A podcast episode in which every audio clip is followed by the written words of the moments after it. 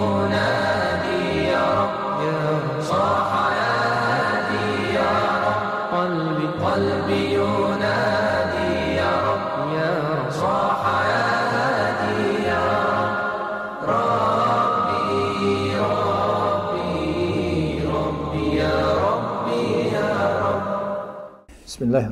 الرحيم الحمد لله رب العالمين وصلى الله وسلم وبارك على نبينا محمد وعلى آله وأصحابه ومن تبعهم بإحسان إلى يوم الدين Uz Allahu Jalla vala dozvolu nastavljamo se družiti sa Allahovom knjigom Kur'an i Kerimom. Nalazimo se u džuzu Amme koji je po mnogo čemu specifičan. Jedna od tih specifičnosti što obiluje mekanskim surama, gotovo malte ne, sve sure su mekanske, ima par medinskih. I svaki onaj koji želi da učvrsti svoj iman, svoje vjerovanje, preporučuje mu se da isčitava, izučava mekanske sure, jer mekanske sure njihova je odlika ili tako da govori o vjerovanju u Allaha, vjerovanju u sudnji dan, ukazuje na istintost Kur'ana, istintost poslanice Muhammeda alihi salatu wasalam i slično. Nalazimo se večeras ako Bog da u suri El Fajr. Malo poduža sura, pa gledat ću da mnogo ne odužim, budući da dakle nije baš ni toplo. E, ova sura obiluje porukama i poukama, jeli?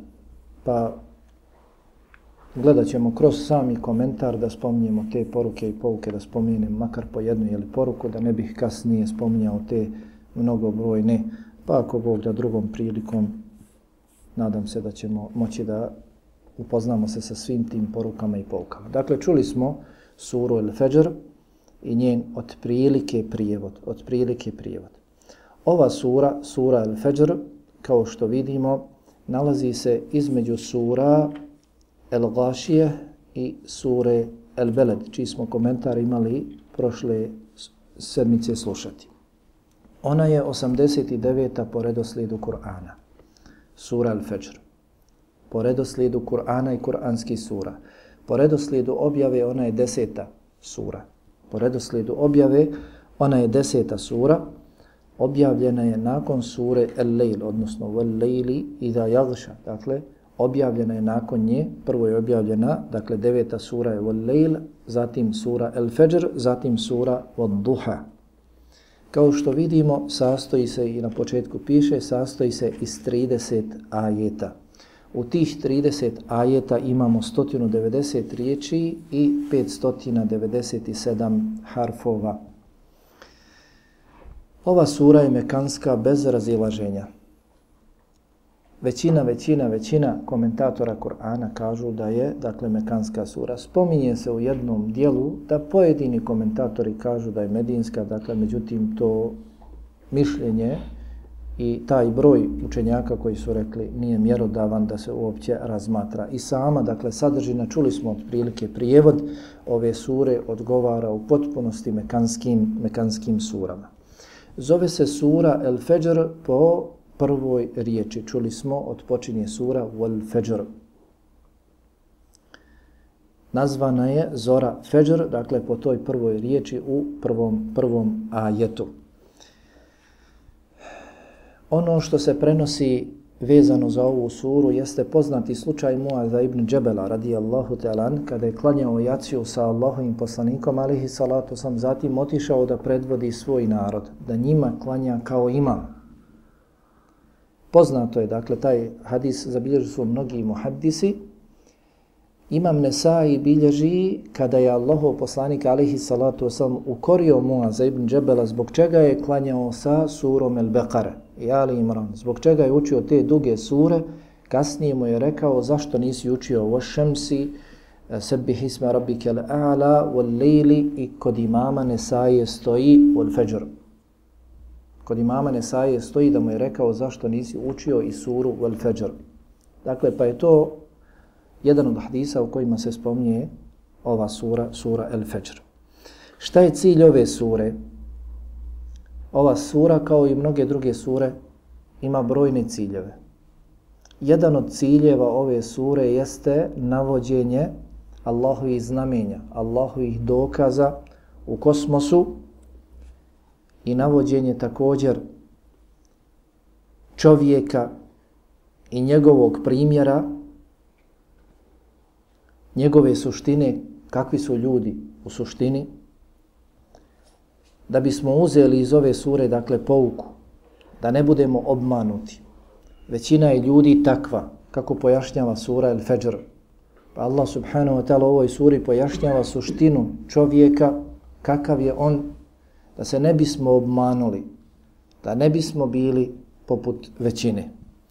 Također, ova sura nam spominje pojedine narode, prve narode, prve i zadnje, koji su uništeni strašnom kaznom. Narod Ad, Themud i zadnji Faraon. Kako bismo uzeli ibreta iz njihovog stradanja. Činili su nered na zemlji, bili su objesni, nisu vjerovali u Allaha, snašlo ih je što ih je snašlo. Ova sura kao i sve mekanske sure ima za cilj da učvrsti poslanika alihi salatu veselam. Oni koji se uzdižu, koji čine nered, koji ne prihvataju vjeru, Allah će ih uništiti, pomoći će vjernike prije, prije ili kasnije i brojni drugi, brojni drugi ciljevi. Sura Al-Fajr, kako smo rekli, dobila je naziv po prvoj riječi. Svojim dobrim dijelom ili drugom polovicom govori o sudnjem danu. Pa i te kako, dakle, naslov sure odgovara tematici sure. Feđr je zora kada se ljudi bude, kada se rađa novi dan, kada ljudi ustaju, kreću se, nakon što je sve maltene bilo zamrlo, sve je bilo pospano, tama vladala, kada nastupi zora, pogotovo izađe sunce, dakle sve ustaje i kreće se.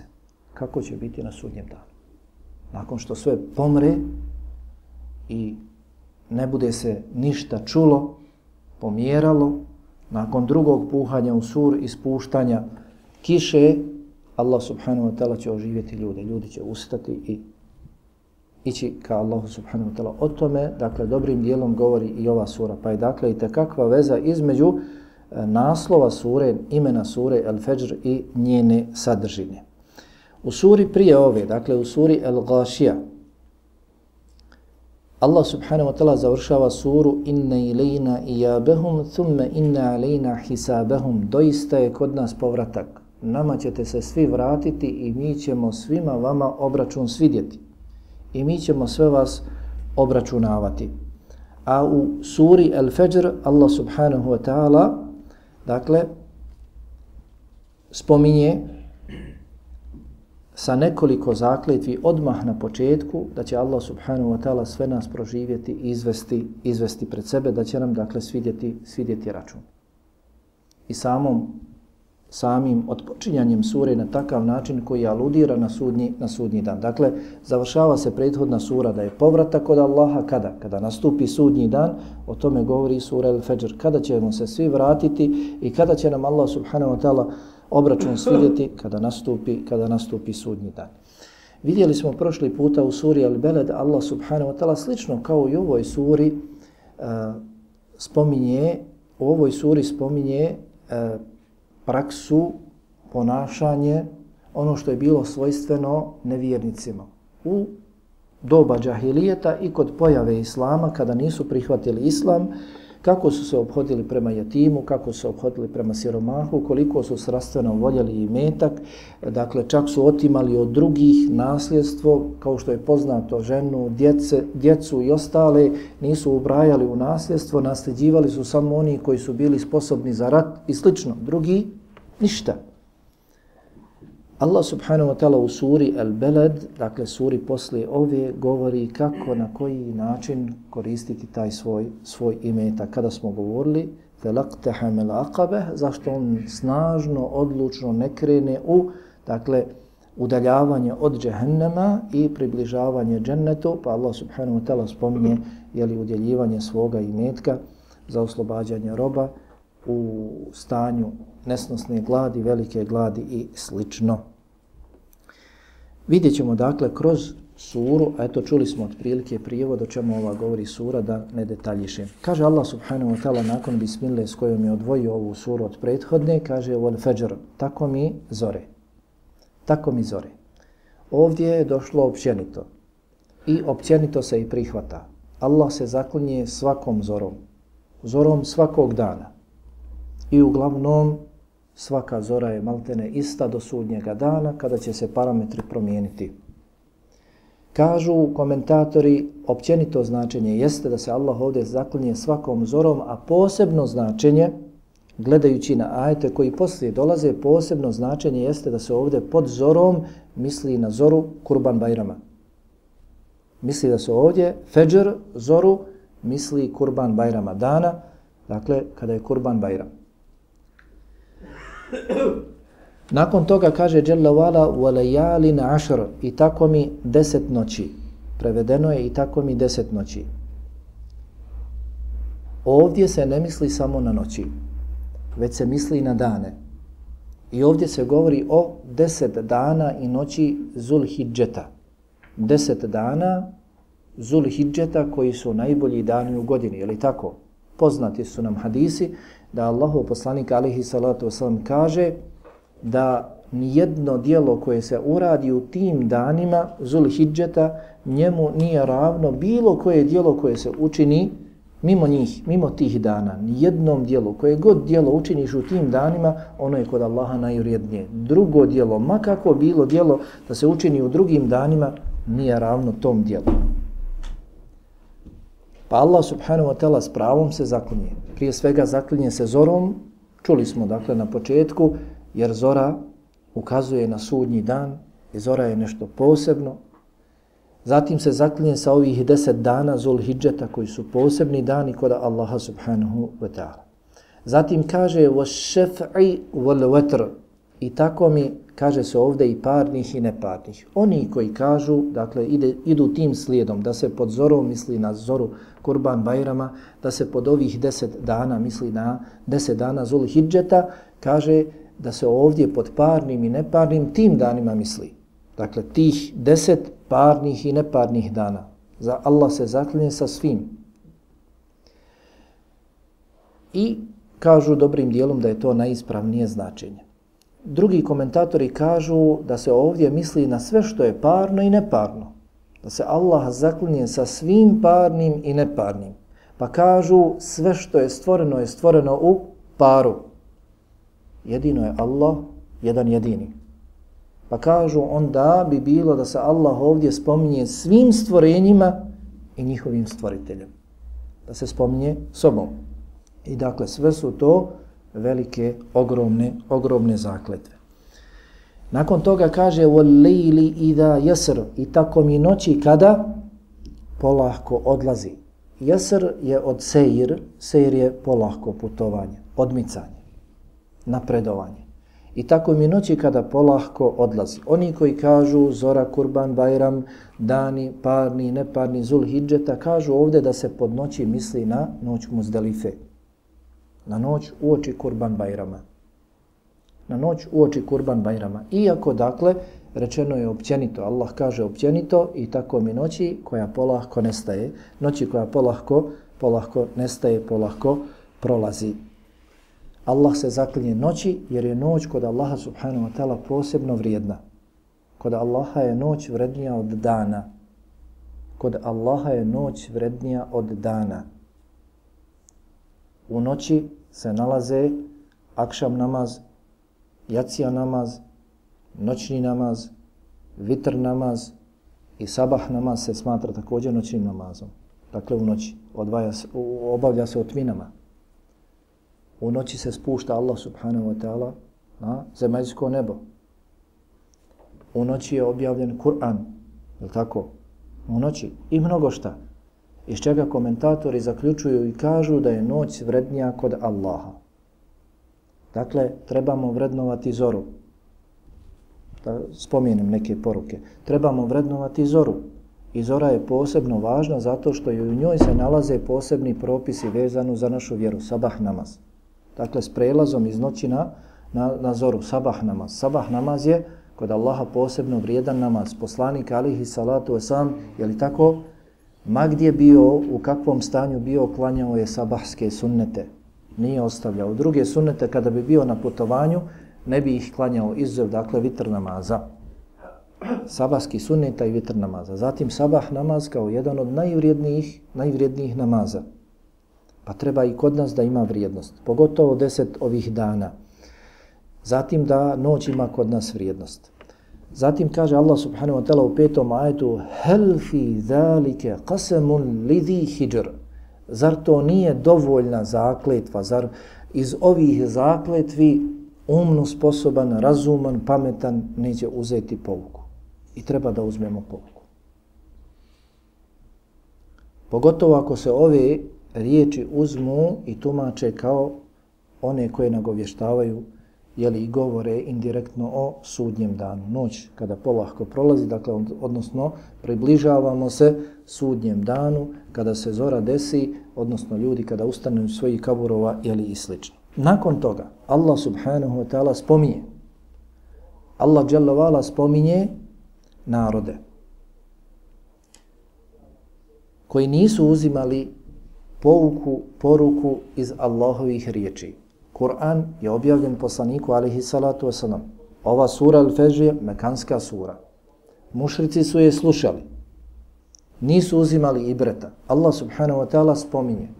Mušrici koji su za sebe govorili da su pametni, da su na posebnom stepenu i slično, nisu uzimali ibreta. Allah im spominje prijašnje narode koji također nisu uzimali ibreta iz Allahove riječi objava. I njima su dolazili poslanice. Nije bilo naroda da im nije došao poslanik. Ha, nećete da uzmete ibreta, nećete da uzmete pouku, nećete da se pripremate za sudnji dan. Evo, slušajte šta je bilo sa prethodnim narodima. I to posebnim narodima. Allah ovdje spominje posebne narode i kaže, vidjet ćete za prvi narod, ha, kaže Allah subhanahu wa ta'ala, Alam tara kejfe fa'ala rabbuke bi'ad.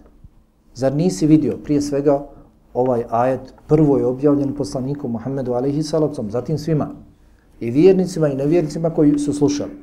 Zar nisi vidio kako je Allah postupio, šta je Allah, odnosno tvoj gospodar, uradio sa Adom? Kaže se, ha, prevedeno je ovdje, zar ne znaš? Međutim, glagol je upotrebljen vidjeti, zar nisi vidio? Odnosno, Ad je živio narod blizu arapskog polostrava. Prenosilo se s koljena na koljeno. Osim toga, Kur'an mnogo govori o njihovom stradanju. Toliko mnogo i slikovito da kao da gledaš. Kao da gledaš. Kako ih je Allah subhanahu wa ta'ala uništio. Kaže, ireme zatil imad. Ha. Zar nisi vidio ili zar ne znaš, zar ne znate svi koji slušate kako je Allah postupio sa narodom Ad, koji je bio poseban narod.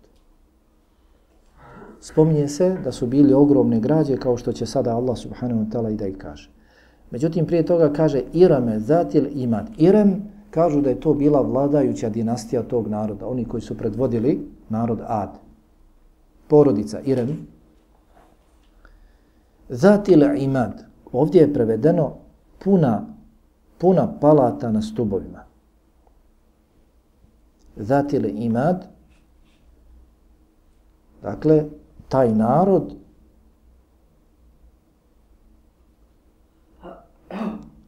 koji je imao te stubove iznad sebe, zat je, dakle, posjedovati, imati imad su stubove. Pa ovdje kažu, hajde, eto da uzmemo i ovaj prijevod, puna palata na stubove, misli se dakle na visoke stubove, ne misli se sad da ih je nešto mnogo, Misli se dakle na njihove kuće koje su bile izrazito velike. Zašto su bile izrazito velike? Zašto su stubovi bili visoki? Zato što su oni bili izrazito veliki. Zato što su oni bili posebne građe. Također,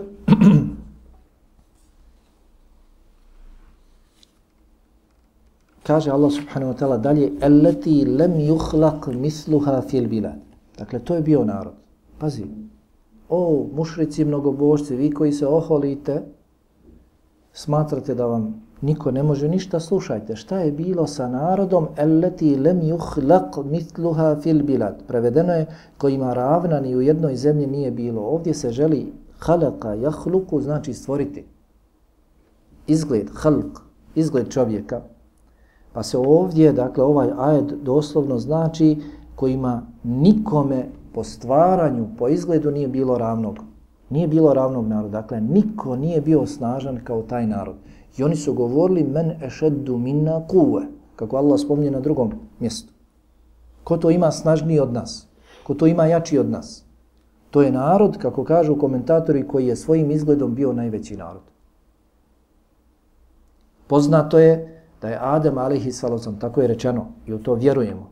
I ne zalazimo kako, je li moguće, nije moguće. Ako je došlo vjerodostojno, moguće da je bio visok 60 lakata. Da je bio visok 60 lakata. Pojedini komentatori, što je daleko mišljenje, spominju daleko, daleko veću visinu ovog naroda, dakle to se ne može prihvatiti. Učenjaci koji su razmatrali ovo pitanje, rekli su samo može da ide na niže. Ne može da neko bude visočiji od Adema, dakle stvorenja od ljudi. Dakle, zasigurno su bili niži, ali ogromnog izgleda. I poznato nam je danas kada gledamo te iskopine arheologa, dakle možemo da vidimo kako su zatirali, sklanjali te ostatke samo da dokažu svoju tako teoriju evolucije, jel tako, ništavnu i sada dolaze nam slike kako ljudi sjede u očnoj duplji tog jednog. Dolazi čovjek i sjeda u očnu duplju jednog od njih. Dakle, u lobanju čovjeka, tolika je lobanja čovjeka da današnji čovjek dolazi i sjeda u njegovu očnu duplju. Međutim, šta je bilo s njim? Allah je uništio. Allah uništio, čućeš na kraju, Allah subhanahu wa ta'ala kada navede sve narode, njihove karakteristike i prvog i zadnjeg, nemojte misliti da je Allah bio u stanju samo prve da kazni, ne, Allah je u stanju svakoga da kazni, pa i vas o mušici mnogobožci Mekije, ako ne budete vjerovali, Allah je u stanju da vas kazni. Pa je ovaj narod, kako se kaže, poslao na njih, jeli, strašan, strašan, jeli, led, vjetar, pa su od toga pomrli. وَثَمُودَ الَّذِينَ جَابُ سَحْرَ بِلْوَدْ Ha, i zar nisi čuo kako je tvoj gospodar uništio Semuda? Dakle, vraćamo se na početku, je Allah rekao, zar nisi čuo, zar ne znaš, zar nisi vidio kako je uništio Ad, tvoj gospodar? Vraća se, dakle, to isto, isto značenje, jer sada samo navodi narode. I kako je uništio Semuda, koji su također bili posebni.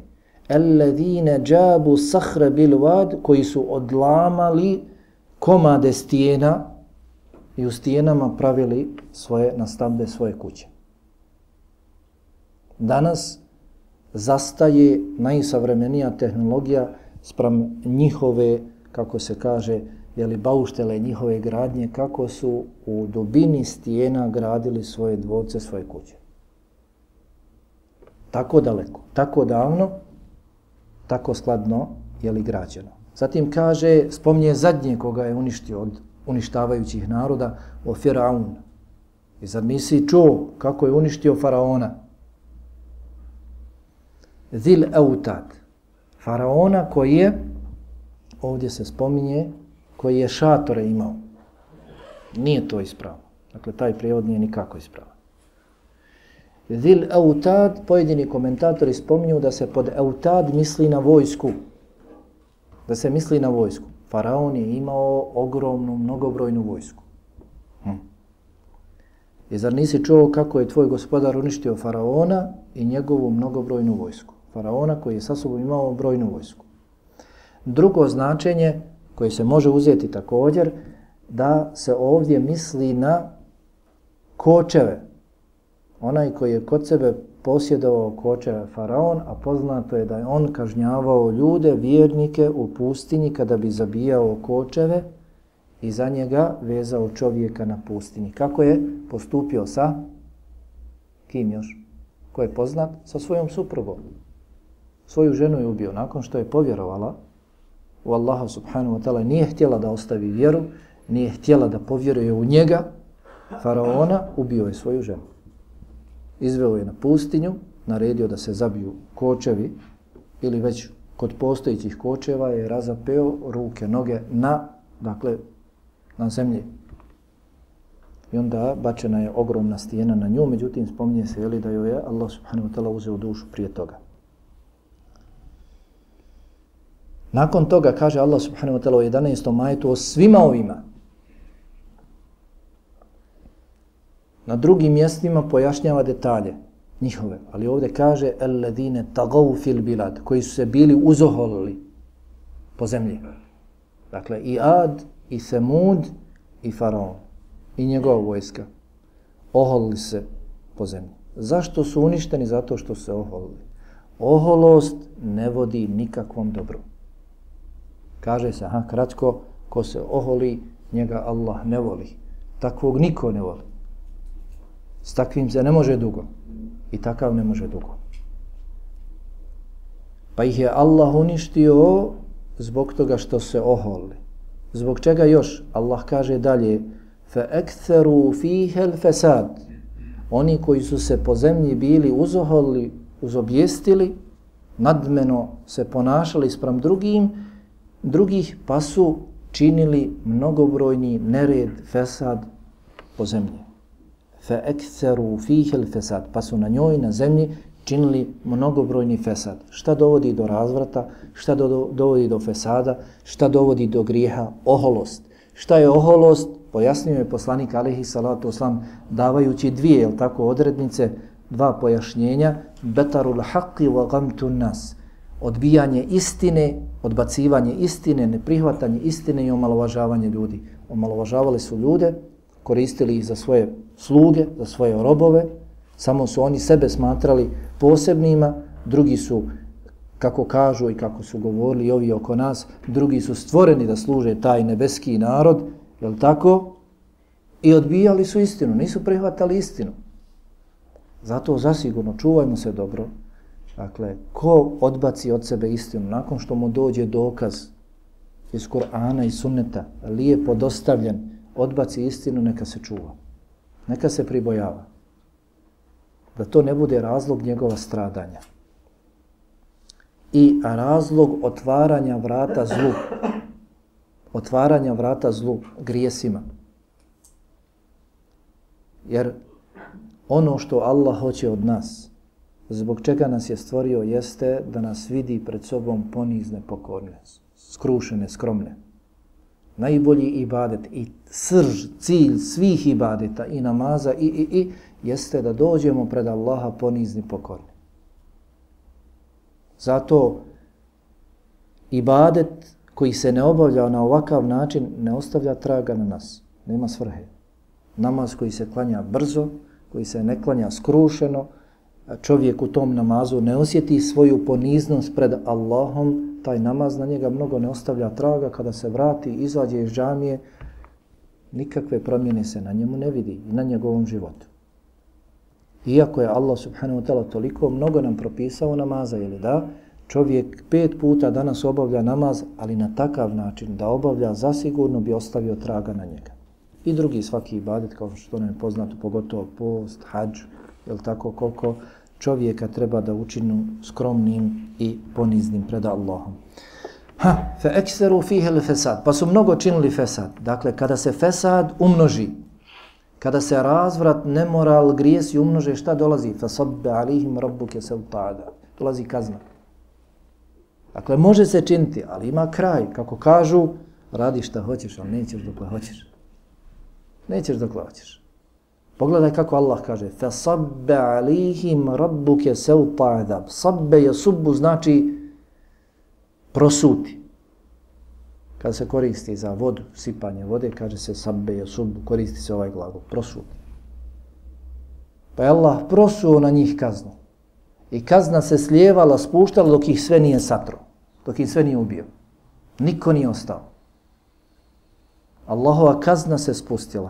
Kaže se ovde, seuta azab, bić patnje. Dakle, pa je Allah spustio na njih kaznu, patnju. Spustio na njih. I sipala, sipala, sipala dok ih nije sravnila. Gdje je ta oholost? Men ašaddu minna kuve. Ko je to snažniji od nas? Allah kaže onaj koji je stvorio, on je snažniji od njih. Evo, uništio je sve do jednog. Pa kogod odbija Allahovu riječ, kogod se oholi, kogod čini nered na zemlji, neka čeka sličnu završnicu. A Allahu niko ne može umaći. Allah zna za svakoga. inna rabbeke le bil mirsad. Zašto? Zato što je tvoj gospodar onaj koji prati, onaj koji nadgleda. Mirsad je kao zasjeda, dakle, ha? Mirsad je zasjeda, ime, kod nas je, tako, Mirsad. Mirsad znači zasjeda, pa dakle, onaj koji je u zasjedi, je tako, on i prati. Nije zasjeda tek tako postavljena, napravi bunkeri, idi spavaj. Slično kako je bilo kod pojedini, ali tako? Pa su platili glavu. Dakle, kad se napravi zasjeda, onda se prati, iščekuje se šta će se desiti. Ovdje, dakle, Allah subhanahu wa ta'ala tako slikovito govori, dakle, da zasigurno prati sve spomenuti. Nakon toga, Allah subhanahu wa ta'ala govori o suštini čovjeka, kakvi su ljudi. I da ne valja tako Da takvo ponašanje ne vodi nigdje.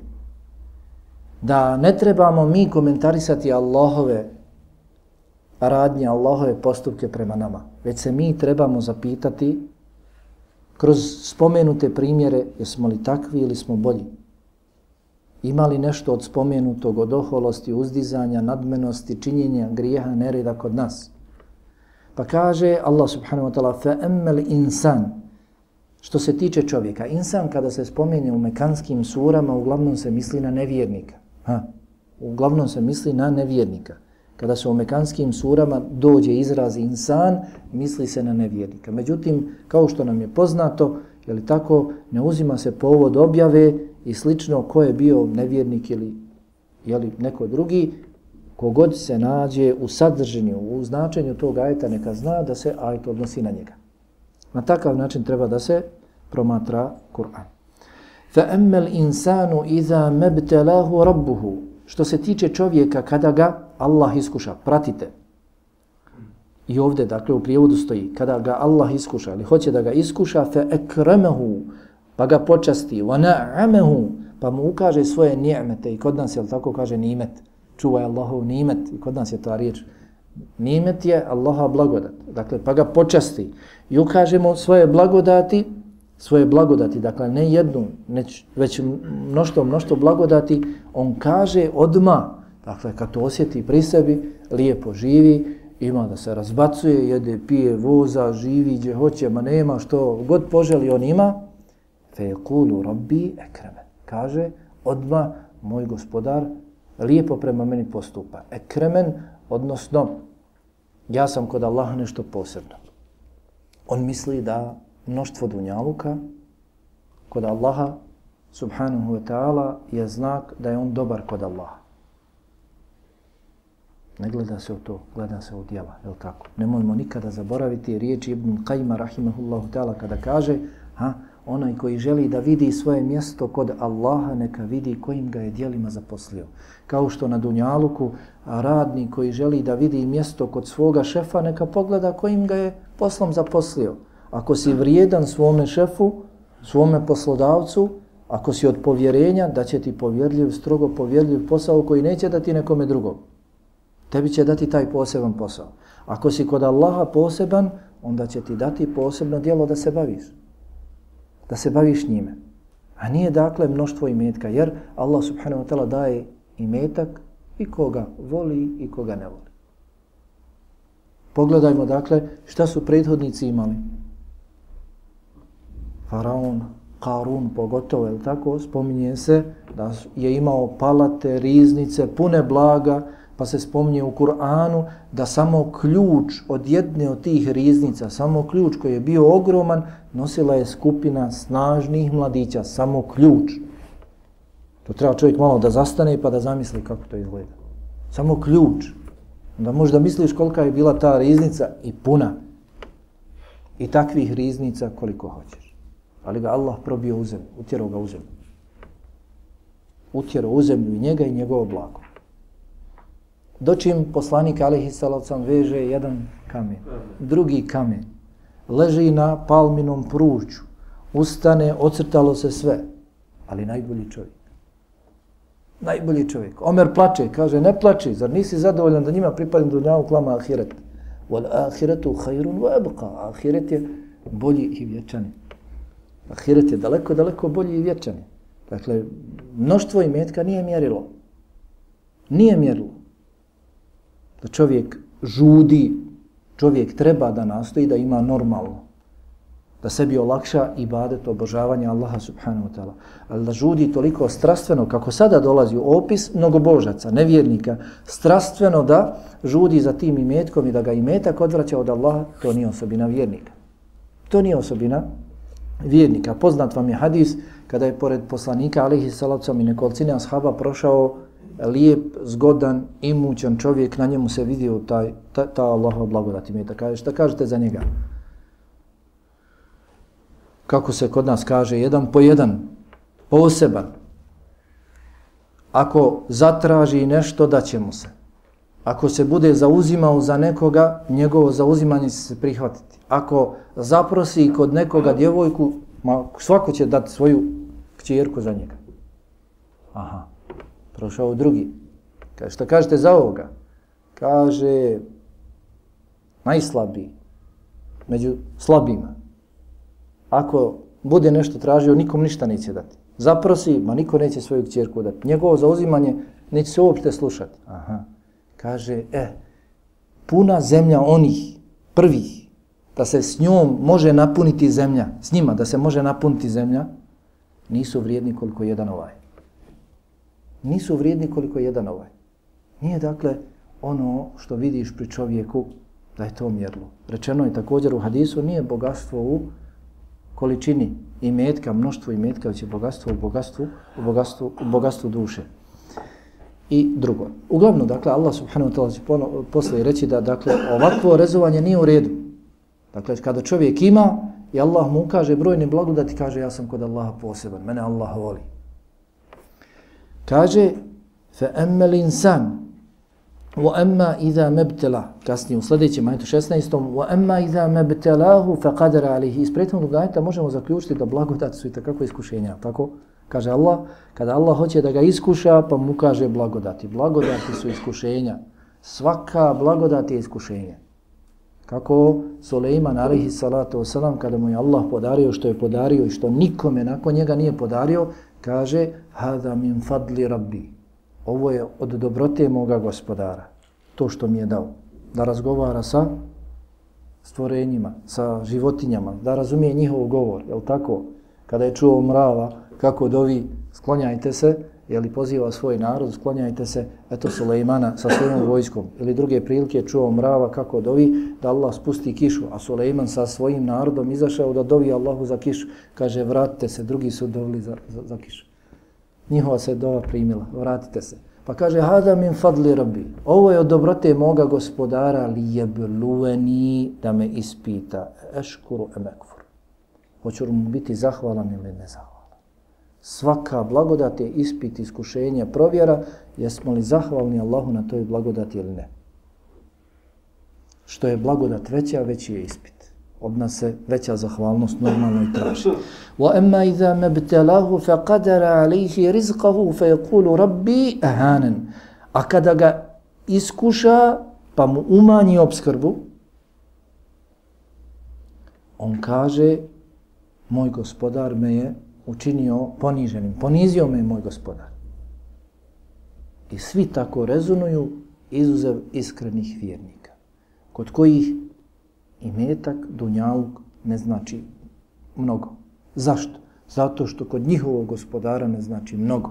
Da je dunjaluk vrijedan kod Allaha kako je došlo koliko krilce komarca, ne bi Allah dozvolio nevjerniku da koristi taj dunjaluk, da se napije gutlja i vode sa dunjaluka. Ali kod Allaha to ne vrijedi. Kod Allaha vrijedi ahiret. Kaže Allah, kella, nije tako. I nemojte vi da raspravljate o Allahovim dijelima. Koga Allah počasti, koga Allah učini poniženim. Allah radi na osnovu svoga sveobuhvatnog znanja, na osnovu svoje mudrosti, uglavnom daje ljudima ono što je najbolje. Kako kaže na drugom mjestu Allah subhanahu wa ta'ala u suri Šura وَلَوْ بَسَتَ اللَّهُ رِزْقَ لِعِبَادِهِ لَبَغَوْ فِي الْأَرْضِ Da Allah spusti rizk svojim stvorenjima, oni bi se uzaholili po zemlji. Međutim, Allah daje na osnovu svoga sveobuhvatnog znanja koliko kome treba.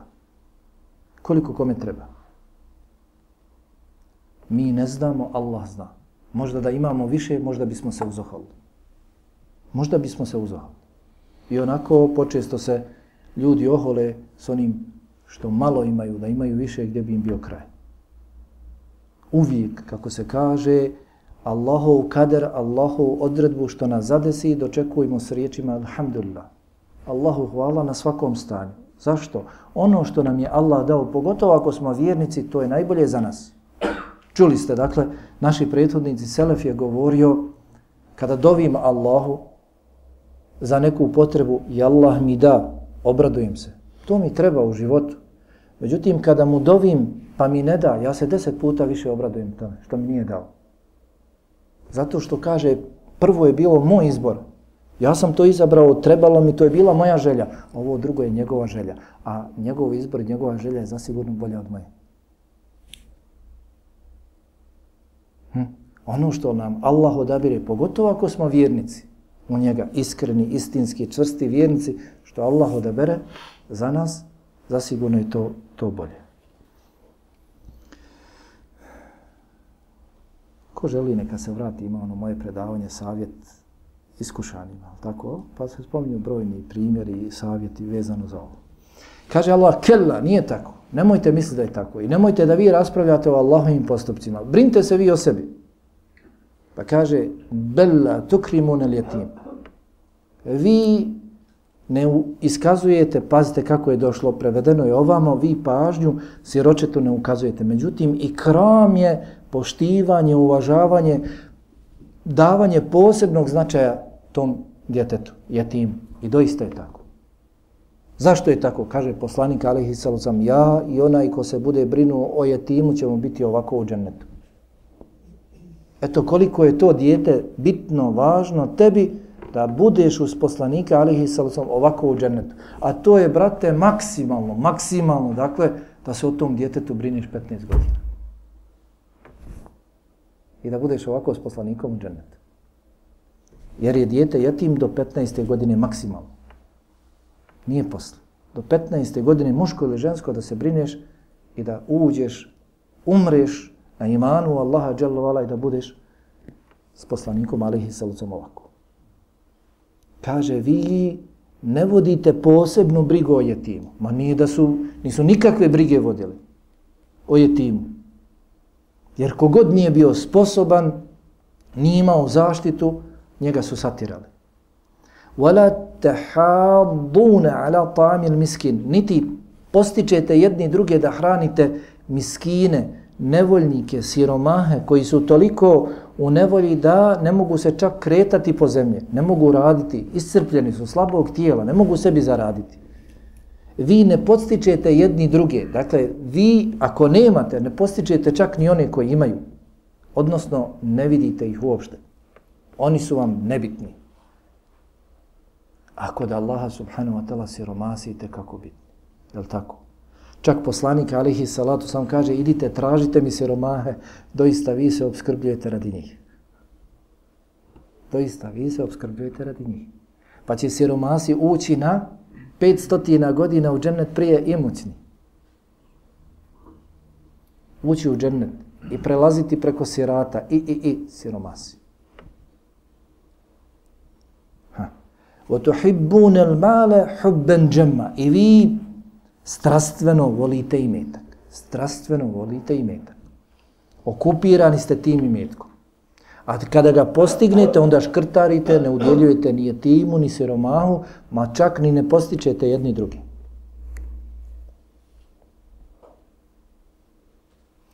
kulune, prije toga je bio ajet, kulune turase ekle lemma i vi jedete nasestvo pohlepno, u potpunosti. Zgrćete za sebe. Dakle, žene, djece, djeca, niko ne nasleđuje. Kogod nije sposoban za rat, ne nasleđuje. Sve zgrćete sebi ubijate jedni druge samo da biste naslijedili. I strastveno volite imeta, kaže Allah, kella, ne valja tako. Ako nećete se opametiti od ovih riječi kella, kella, kella, nećete se opametiti od naroda koji su uništeni prije vas, o kojima toliko govorim u knjizi kao da gledate njihovo uništenje, tamo i da duketil ardu deken deka. Kada se zemlja u komadiće zdrobi, Kasnije će Allah subhanahu wa ta'ala navodi ove detalje, reći čovjek će se tada početi sjećati. Tad će čovjek uvidjeti da nije valjalo njegovo ponašanje na dunjaluku. Ida duketil ardu deken deka. Kada se zemlja u komadiće zdrobi.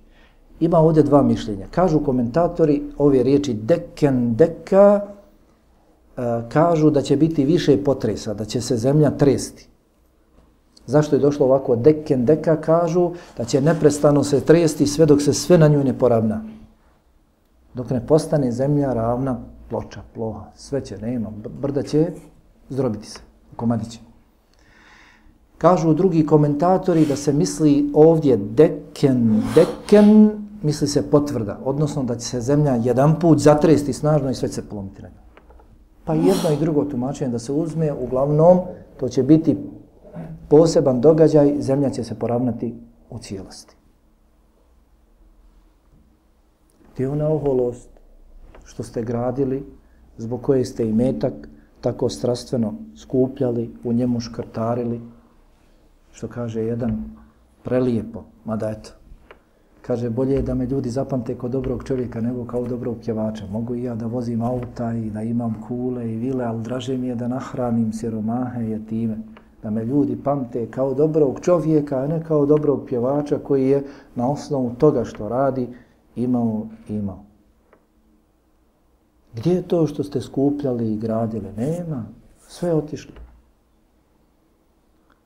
وَجَاءَ رَبُّكَ وَالْمَلَكُ صَفٍ صَفٍ I kada tvoj gospodar dođe, ovdje je dakle pr pogrešno prevedeno. Dakle, to je taj prisutan prijevod u ovom mushafu, šarijski prijevod. Mijenjanje, dakle, Allahovi svojstva. Vođa rabbuk, rabbuk, rabb je gospodar. Ke, tvoj gospodar, o Muhammed, jer ovo ajt su prvenstveno objavljeni njemu. Vođa je znači doći. I kada tvoj gospodar dođe, Allah jasno kaže, ovdje je prevedeno, vidite, i kad dođe naređenje gospodara tvoga.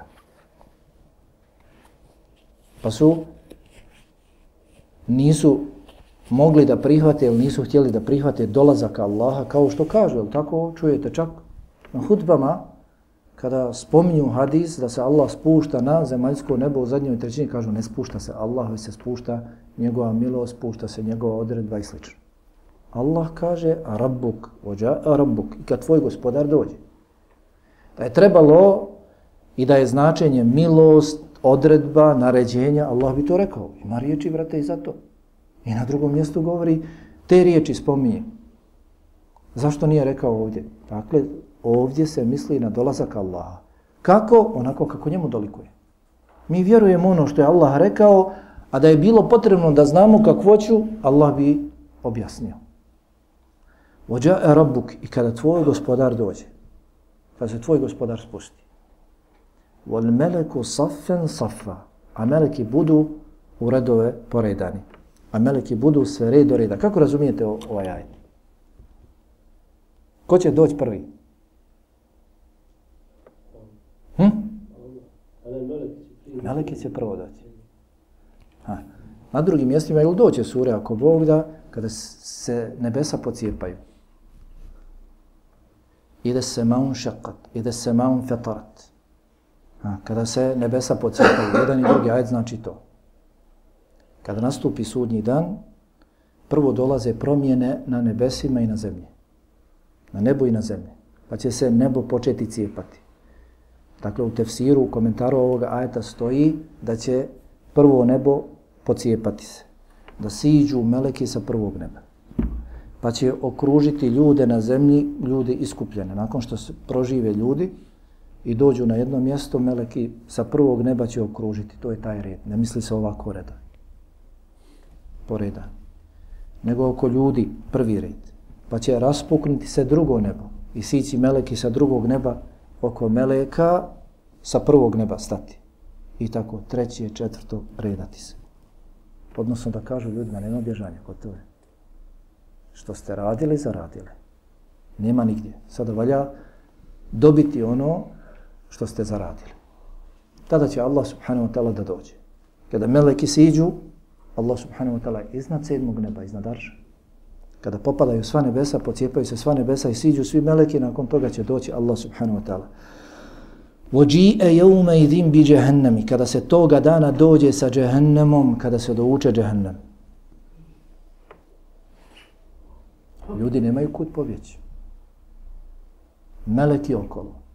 Najpravedniji sudija došao. I džehennem dovučen. Kako je došlo u vjerodostojnim hadisima. Da će se dovesti džehennem na sudnji dan dovući. U suri Merijem kaže da ćemo svi vidjeti džehennem. Wa in minkum illa wariduha. I nema nijednog od vas da neće vidjeti džehennem. Kane ala rabbike hatme maqdija. To je Allahova odredba jasna. Međutim, kaže, thummenu neđil ledine taqav, ali ćemo njega spasiti bogobojazne. Džehennema, od džehennema spasio on bogobojazne.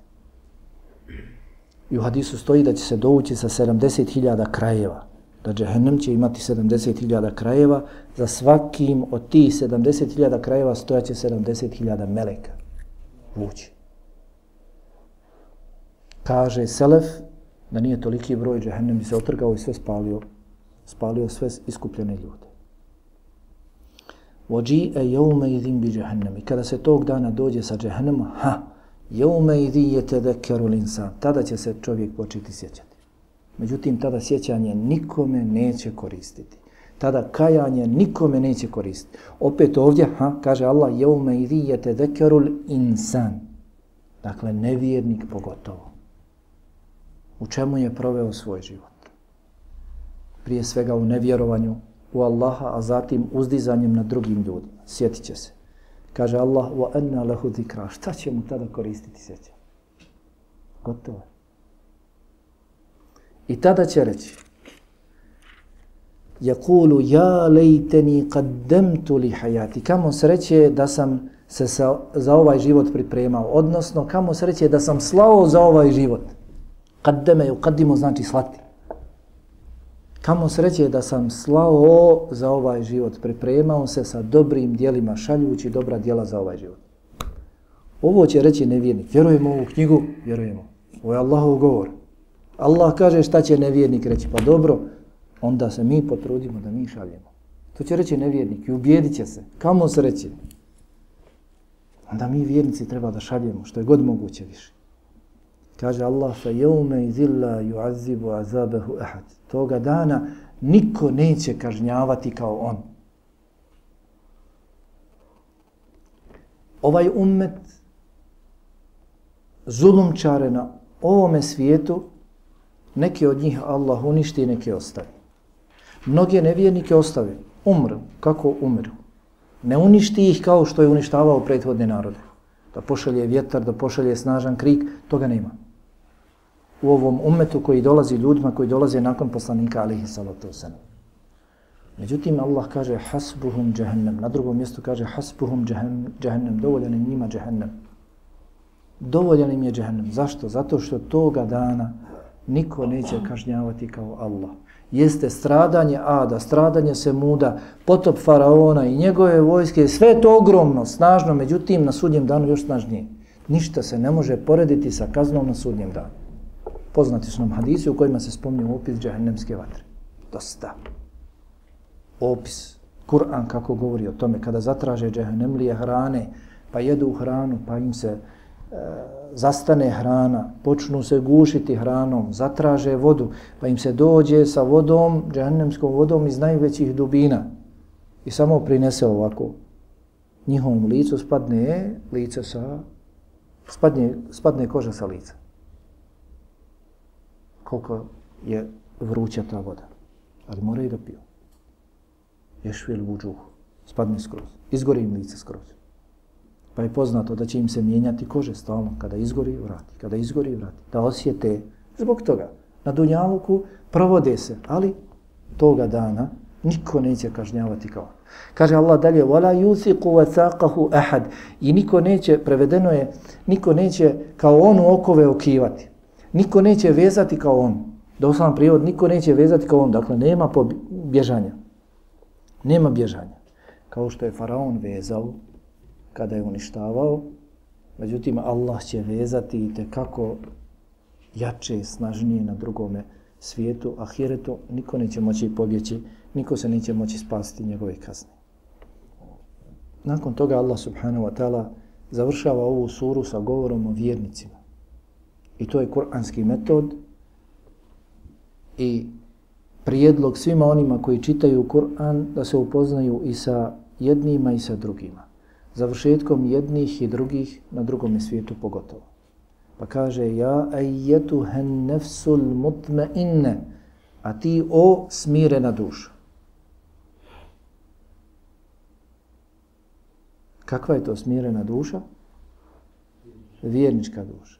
Odnosno, Allah pojašnjava u sljedećem ajetu. Irđi'i ila rabbiki radijeten merdije. Vrati se svome gospodaru zadovoljna i on tobom zadovoljan.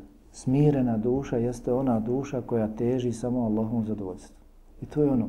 Jer je duša došla od Allaha. Mi se sastojimo iz tijela i duše. Tijelo je, kada gledamo osnovu početak, stvoreno od zemlje, od dunjavučkog, a duša je došla od Allaha. Pa ima, jedemo, pijemo da bismo održali svoje tijelo, ali treba nešto i za dušu. Za dušu je Allahova ljubav, Allahova zadovoljstvo. I duša će se samo s tim smiriti. Sa imetkom, kula, kulama, vilama, autima, imetkom i ostalim, neće se smiriti. Već će se smiriti samo sa Allahovim zadovoljstvom. Koja bude zadovoljna sa Allahom i težila da Allah bude zadovoljan s njom. Vrati se svome gospodaru zadovoljan i on s tobom zadovoljan i rezultat toga smirenosti u imanu, smirenosti u Allahovom zadovoljstvu jeste fedhuli fi ibadi. Uđi među moje robove, wadhuli dženneti i uđi u moj džennet. Fedhuli fi ibadi. Uđi u društvo mojih odabranih robova, odnosno vjernika i uđi u moj džennet. Džennet na drugom svijetu je samo Allahu. Niko drugi ne posjeduje taj džennet da on uzima uvodi, izvodi i slično. Džennet je Allahov i treba dakle težiti Allahu subhanahu wa ta'ala i težiti ovom njegovom, njegovom džennetu. To bi dakle bio komentar ove sure i možemo dakle da zastanemo, možemo izvući brojne poruke i pouke iz ove sure, ali to mislim da je dovoljno. Subhanakallahu wa bihamdika ashhadu an la ilaha illa anta astaghfiruka wa atubu ilaik.